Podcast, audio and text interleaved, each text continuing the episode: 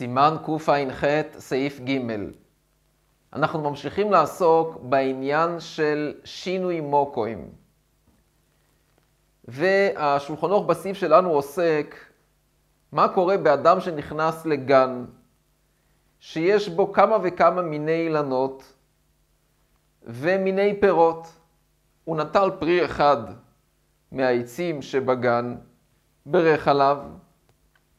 השאלה היא אם הברכה פותרת את כל שאר הפירות שבגן, או שהוא צריך לברך על כל עץ ועץ, על כל פרי ופרי, ברכה נפרדת.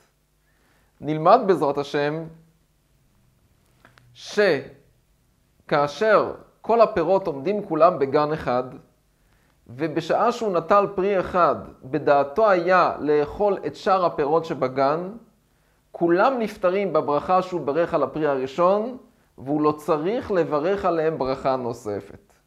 אבל רק אם בשעה שהוא ברך על הפרי הראשון, דעתו הייתה לאכול את שאר הפירות שבגן. אבל אם לא הייתה דעתו לאכול משאר הפירות, אם הוא רוצה להמשיך ולאכול משאר הפירות, הוא צריך לברך עליהם ברכה נוספת. המשנבור מביא בשם החיי אודום, שמתי נאמר הדין? שהוא פותר את שאר הפירות רק כאשר דעתו הייתה במפורש להמשיך ולאכול את שאר הפירות, רק בגן כזה שהוא לא מוקף במחיצות.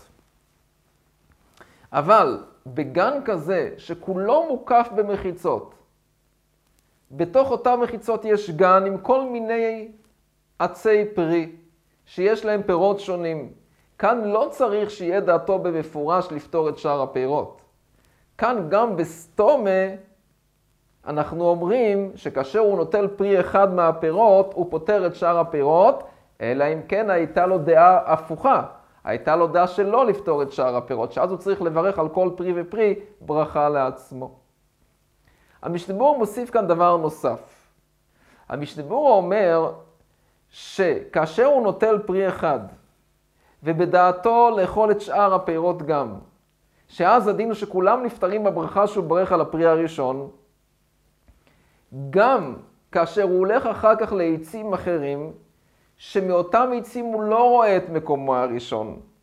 גם אז נאמר הדין שהוא פותר את שאר הפירות. כלומר, כשאדם נוטל פרי ודעתו לאכול משאר הפירות, שבזה אנחנו אומרים ששאר הפירות לא צריכים ברכה נפרדת, גם מאותם פירות שהוא לא רואה מהם את מקומו הראשון, גם הם נפטרים בברכה שהוא ברך על הפרי הראשון.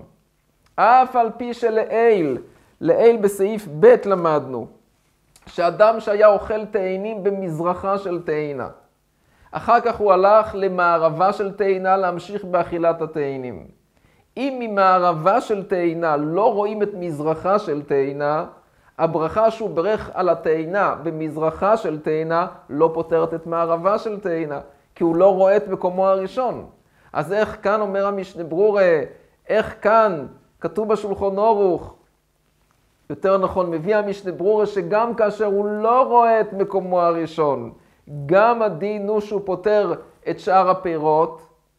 אומר המשנה ברורה שאין חונה מהקושייה קושייה, ולכן צריך לומר שמתי הוא פותר את שאר הפירות, גם כאשר הוא לא רואה את מקומו הראשון, זה רק כאשר כוונתו הייתה במפורש לאכול את אותם פירות, או לחילופין, אם יש כאן היקף מחיצות.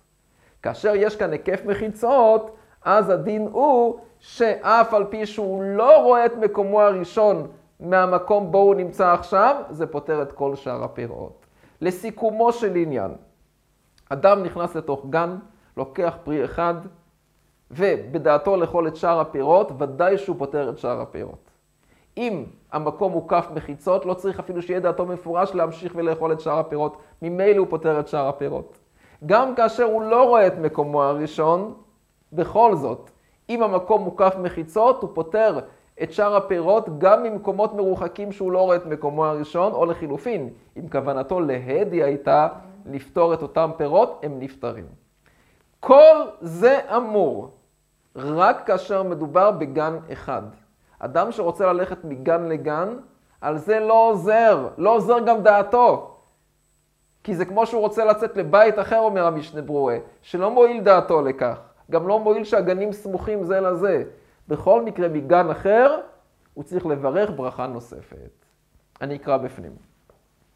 אומר השולחון אורך בסעיף ג', יש מי שאומר, שאם היה בגן, אדם נכנס לגן שיש בו הרבה עצי פרי עם פירות שונים, והוא נוטל פרי אחד, זה פותר את כל הפירות של כל האילנות. והוא שבשעה שברך היה דעתו לאכול מאותם האחרים. זה הכל אם הכל באותו גן. אבל אם זה מגן אחר, אומר השולחון ערוך, אפילו הם סמוכים אחד לשני, ואפילו היה דעתו, זה לא מועיל. בגן אחד זה מועיל, אבל שיהיה דעתו, או אם הם מוקפים במחיצה, גם אם לא היה דעתו. ואפילו אם הוא לא רואה את מקומו הראשון, זה גם מועיל. באופן שהיה דעתו, באופן שמוקפים במחיצות.